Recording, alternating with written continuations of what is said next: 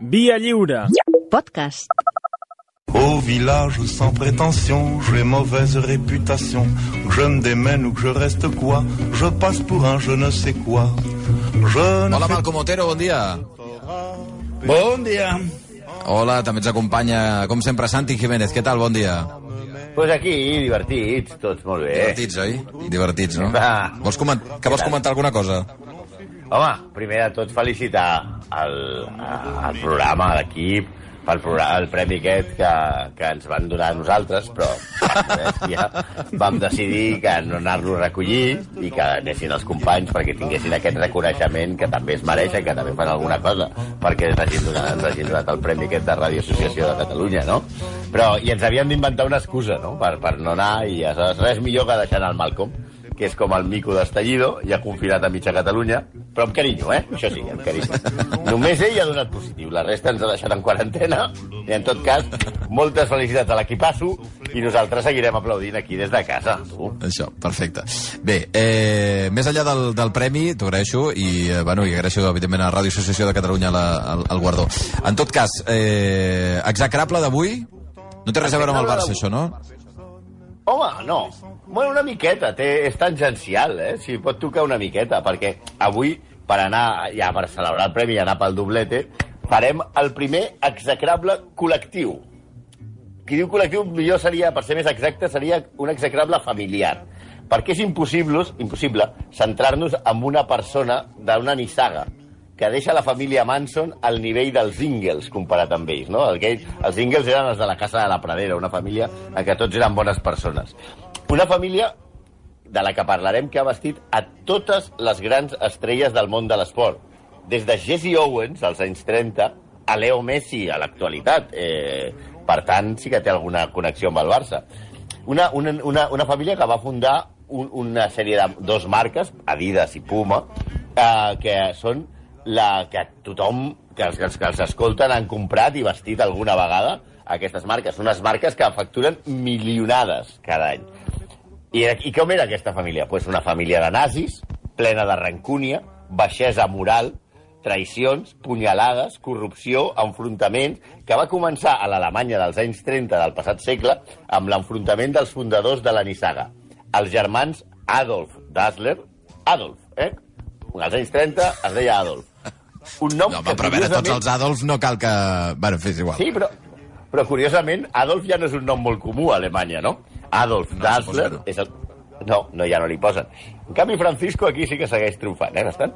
Però, Va. En tot cas, Adolf... Adolf va crear Adidas i el seu germà Rudolf, Rudolf, com el ren gay aquest de Papa Noel, que és el, el creador Sí. de Puma. I, però no només ells van començar a barallar-se.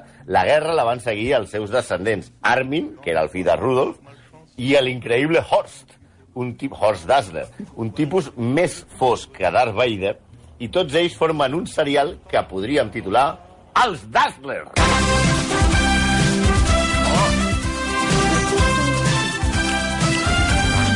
Dallas!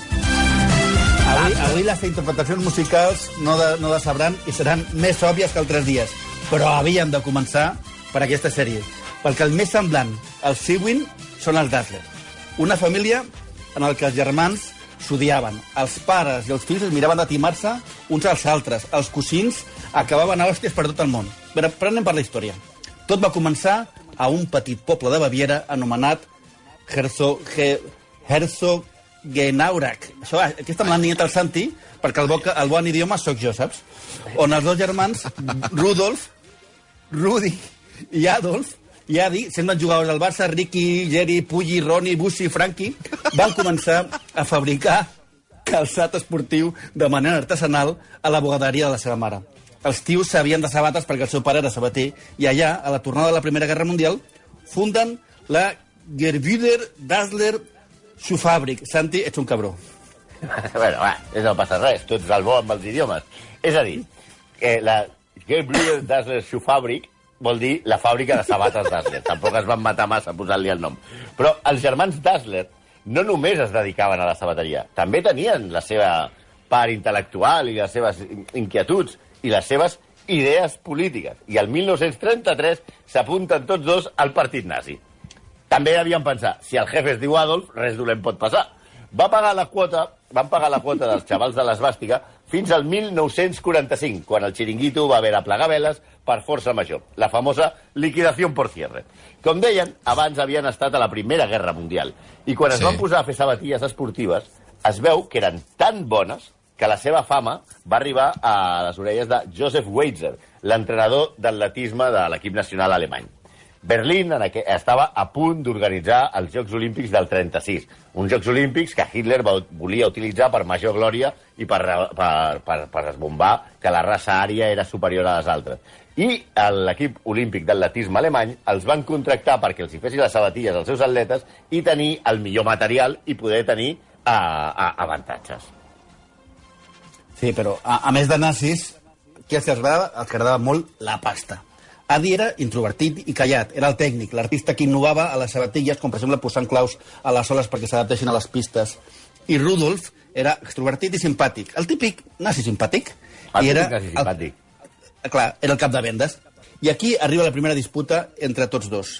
Adi, per un cop, per un cop excepcional, fa una venda i ofereix les seves sabatilles a un jove negre d'Alabama anomenat Jesse Owens, que amb aquell material, clar, humilia Hitler a la seva cara. Val dir que Adolf era, diguem-ne, nazi nivell, usu, nivell usuari, però que Rudolf era nivell premium. Però Ja, tot ja. comença a anar pel pedregar. Sí, la Segona Guerra Mundial va acabar d'enfrontar els dos germans. El Tercer Reich, durant la Segona Guerra Mundial, va convertir la fàbrica de sabatilles que jo no entenc molt bé eh, el silogisme, va convertir la, el taller de sabatilles en un taller de tancs. No sé què collons té a veure la, la, la que fan els sabatilles amb tancs, i també de recanvis per llençar projectils. No entenem molt bé per a què. bombes. De bambes... Ah, potser era per això. Ai.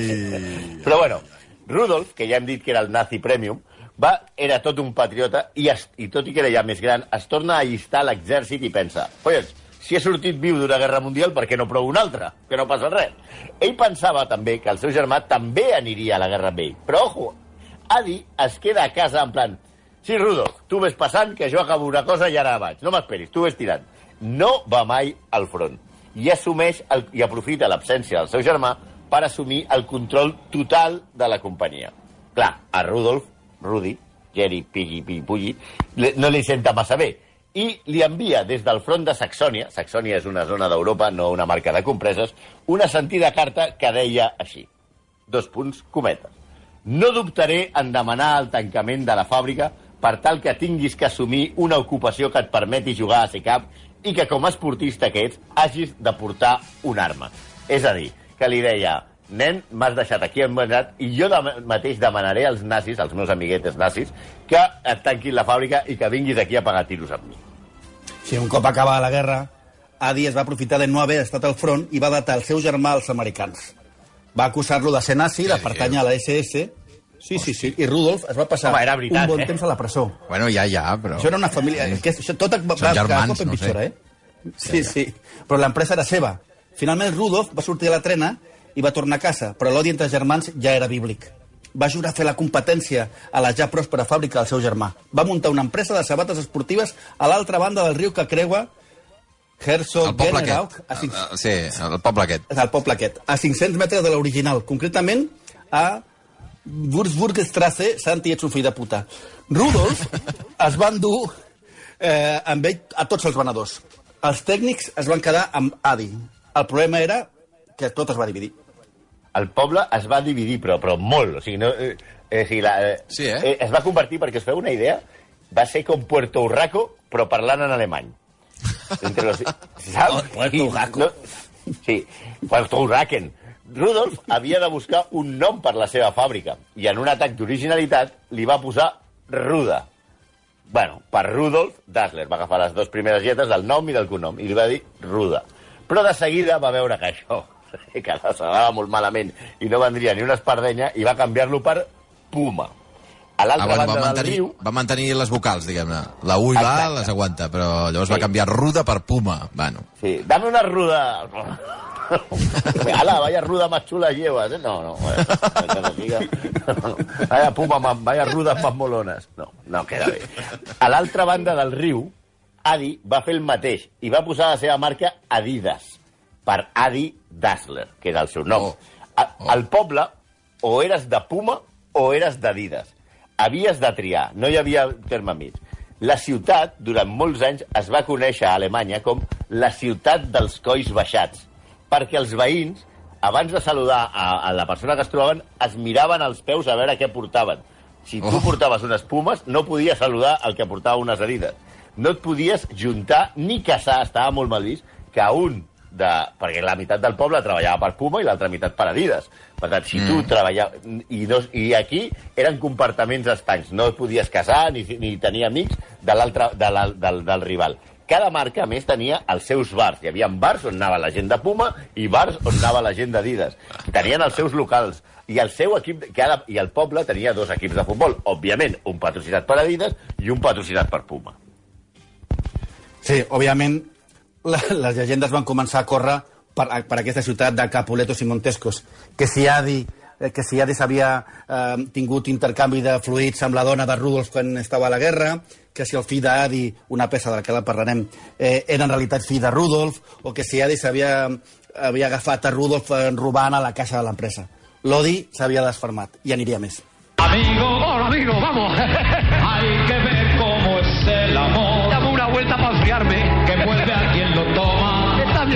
paseo. Gavilano, paloma. Ay, paloma, dice este. Ara això ara? Ara què ve, això? Això, home, la selecció musical pròpia de la secció, posant grups mítics formats per germans. I res Ah, millor vale, que vale, vale. començar amb Manolo García Lozano i Paco García Lozano. Que direu, qui són Manolo García Lozano i Paco García Lozano? Los hermanos Calatrava. Sí, senyor. una aportació... Sí, això potser hi ha una certa part de l'audiència que no coneix, però és una aportació que els oients de la nostra generació agrairan, perquè estan afectats per l'humor de claveguera aquesta de la nostra infantesa, i segur que valoren que els hi recordem aquests malsons que teníem veient que ens feien gràcia, a més a més. Grans hermanos Calatrava. Bé, però tornem... Nascuts a Villanueva de la Serena. bueno, per tornem a la història, va. Tenim un poble dividit i dues empreses que dedicaran la seva existència a fer-se la punyeta. La primera victòria a la pugna aquesta se l'endú Adolf, que convenç el seleccionador alemany de futbol del Mundial 54 a Suïssa, Sepp Herberger, per tal que els seus jugadors juguin al Mundial amb botes Adidas perquè ell ha introduït els tacs ajustables per primer cop. Aquests tacs permetien no relliscar el fang. Aquestes botes i la panda d'amfetamines que portaven els jugadors, que anaven Apa. com si haguessin sortit de pont aeri uh, després de tres dies, que sí, sí, anaven, anaven en, a, els jugadors de la selecció alemana de futbol que van jugar a la final contra Hongria, els hi sortia espuma per la boca perquè es prenien les amfetamines que es prenien els pilots alemanys de, de guerra. I, I, clar, així van fer una segona part tremenda, més o menys. Mira, que el Bayern de Múnich no ho hagués fet a Lisboa i això, i, no Home, hagués, no. i, ens, esti, i ens estiguessin enganyant. bueno, bueno, aleshores això va permetre que aquestes botes van permetre a Alemanya guanyar contra pronòstic aquella famosa final a Hongria, que era la gran favorita del, del, del Mundial. Sí, però a partir d'aquí la guerra entre les dues marques va passar a un nou nivell. A un nou nivell. Els fills dels dos fundadors van prendre les, els, les regnes de les seves companyies i van demostrar que els, al seu costat els seus pares eren molt bona gent, però molt bona gent. Armin va prendre el control de Puma i Horst el control d'Adidas primer i ajudat, ajudat per, mireu, eh, Havenlas, Teixeira, Nicolás Leoz i. Samaranch. Avalanche, sí, que és aquest brasileiro... Sí, sí home, sí, Ah, va ser president de la federació, no? Exacte, vull dir que va agafar primer el control d'Adidas i després del, de l'esport mundial. Tots dos, a més, van arribar a dominar les seves companyies després, després de fer fora els seus respectius pares del poder. Horst Oh, va van- fundar van un matar filial... pares. Bueno, van matar, eh, ah, sí, va, sí, però- no literalment, però gairebé. Horst va, va, va, va fundar la filial Adidas França i la marca es- especialitzada en natació Arena per fer la competència a Adidas Alemanya, l'original. Tot el que explicarem a continuació semblarà que, que ens ho inventem, que és mentida, però ha sortit un llibre d'una periodista holandesa, Barbara Smith, que narra la lluita de la família. En anglès es titula Sneaker Wars, com Guerra de Bambes, i en castellà Hermanos de Sangre. Atenta a la companyia, eh?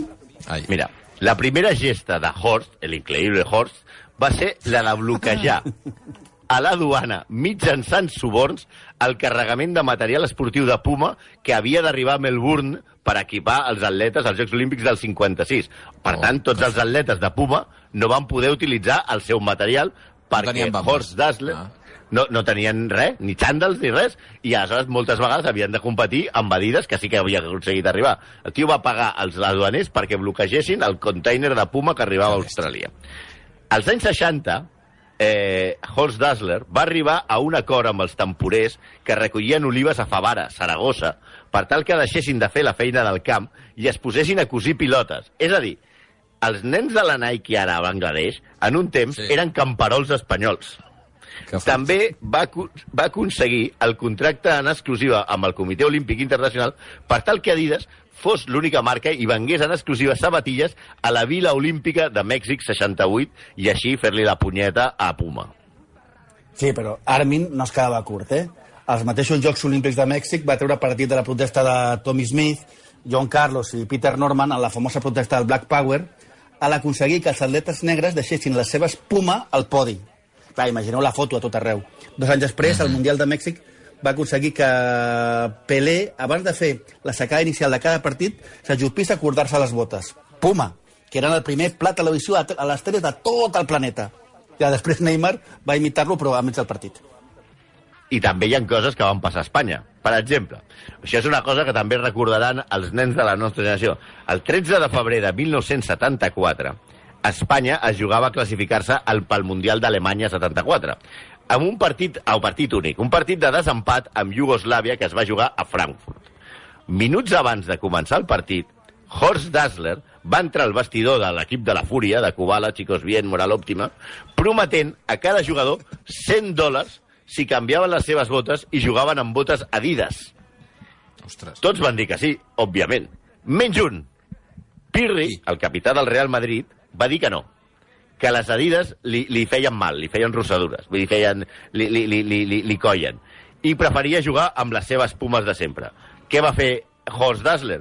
Li va donar 400 dòlars perquè amb pintura blanca, i un pot de pintura, pintura blanca, perquè amb pintura blanca pintés a sobre de la, de la marca de Puma les tres ratlles blanques perquè semblessin, des de la tele, semblessin botes Adidas. I, i ho va, fer? guanyar... Un... Ho va fer, ho va fer, i es van dur 400... El que no van fer Sí, va ser classificar-se pel Mundial. Hi ha imatges d'aquest partit que, que es veu... Eh, Sí, bueno, no sé sí, si es sí, detecta sí. aquestes ratlles blanques de Pirri, eh? Sí, sí, sí. I Pirri t'ho reconeix. Jo he parlat amb Pirri i Pirri m'ha reconegut que sí. Va, va entrar aquell tio i els hi va dir aquí todos con Adidas. I, tots va, i, i va entrar amb el feix de bitllets. 100 dólares para ti, dame tus botas que te pones estas, dame tus botas que te pones estas. Y a Pirri le va a decir, es que a mí las Adidas no me gustan, me hacen daño. Y el otro le iba a decir, pues, toma 400 y un pote de pintura y a la pinta y colorea.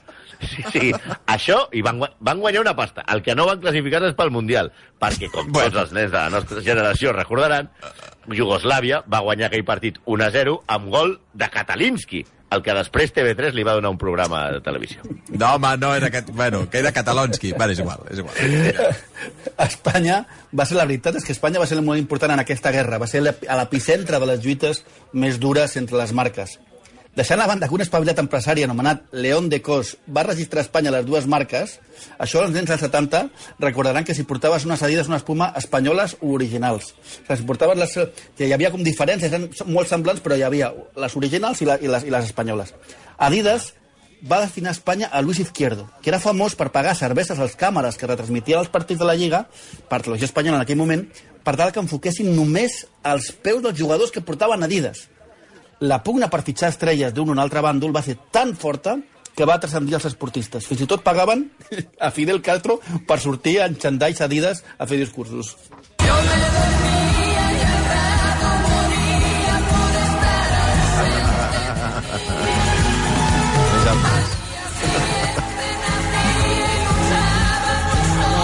Sobrevivir.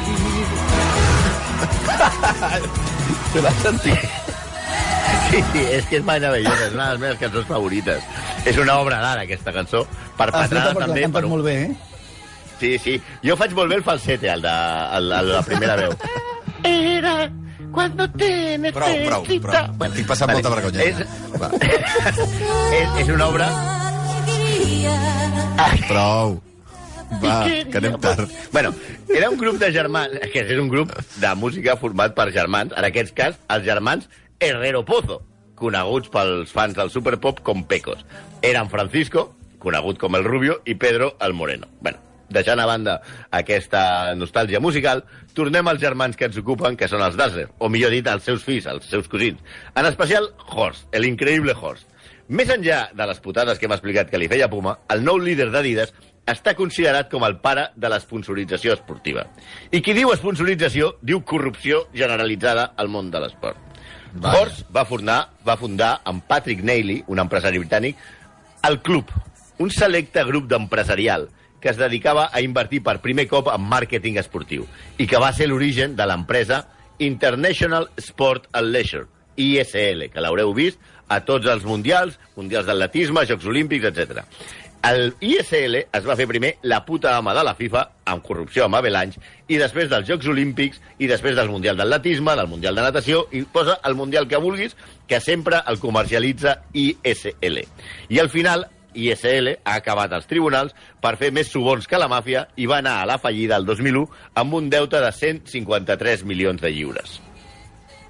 Sí, en el llibre imprescindible de David Gallop, que té el críptic, críptic títol de Cómo ellos robaron el juego, s'explica amb tot luxe de detalls com Horst Dassler es va aliar amb Samaranch i amb Havelange per controlar l'esport mundial. De fet, Samaranch va ser president, segons aquest llibre, gràcies a, Da- a Dassler. Per això que també defensa eh, Thomas Kirchner, família de Cristina, en el seu llibre de títol també ambigu, FIFA Màfia. Segons, els, el, segons el seu autor, Obrusita, Dassler era tan poderós en el món de l'esport que va ser qui va posar Samaranch de president. Es van conèixer abans de les eleccions i van crear un pla. Tu seràs president i em donaràs això, això i això. Aquests tres aixòs es resumeixen a la sessió a ISL, l'empresa que deia el Santi ara, dels drets de màrqueting dels Jocs Olímpics, sense concurs, tot i que altres companyies oferien molts més diners. Tots dos llibres situen a Dassler en l'origen de tot el sistema de corrupció de l'esport a gran escala que afecta a la concessió de Jocs Olímpics, Mundials o el que vulguis. En el, en el llibre, Kidner diu, o Brusita, Dassler va ser el pioner del màrqueting al voltant de la FIFA. Va començar donant regals als atletes a la Vila Olímpica, després va veure que era millor fer regals als entrenadors i després va descobrir que era millor fer els regals als caps d'equip. I d'aquí els presidents de federacions internacionals. Si no hagués dirigit Adidas, hagués treballat a la CIA. Li encantava espiar a la gent. Sí, centrat en, en IC, ICL, eh, Dassler va vendre a Adidas al controvertit empresari francès Bernard Tapie el 1990 per 243 milions d'euros. I dos anys després, la, la companyia ICL feia fallida. Però no acaben aquí els problemes de Dassler. Grans companyies com Coca-Cola, Mastercard, McDonald's van començar a demanar què passava amb els diners que havien adelantat a ICL per tal de que tal aconteixement es fessin un lloc o un altre. El, mil, el 2012, els tribunals suïssos van demostrar que Havelange Teixeira, president de la CBF i membre de eh, de l'executiu de la FIFA, havien rebut en suborns de ISL de- del 92 al 2000 uns 27 milions d'euros. També es va provar que Nicolás Leós, president de la, de la Commonwealth, que aquest, quan es mori també li farem un execrable, la UEFA de Sud-amèrica, i Blatter havien rebut diners. El cas es va tancar el 2014, o sigui, fa poc. Com que Belange i Leoz havien renunciat ja als seus càrrecs mesos abans, només van haver de pagar 3 milions de multa. Havien cobrat 27, vull- per tant, Està bé. va tornar-ne 3 tampoc és massa. I no es va actuar penalment contra cap dels dos. A Blatter, ni això. Va ser exonerat de mala conducta criminal o ètica, però li van dir que era un sapastre. Si no quieres aguantar y te quieres liberar, Hombre.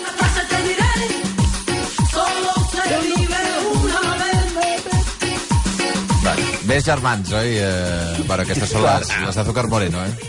No podien faltar aquesta cita a les germanes Salazar, Encarna i Toñi, les Azúcar Moreno. I, i, avui, ara us preguntareu, com estan les coses a, al poble, que no penso repetir el nom, Sí, home, eh, com estan les coses d'aquest poble, poble avui? original, el poble original de Puma i d'Adidas, ara mateix, no? Exacte. De, després de tots Exacte. aquests anys. Aquest nom que el Santi vol que pronunciï, però que no faré, doncs la cosa va seguir anant malament. Durant molts anys, Rudolf Dassler, el germà gran, va morir el primer.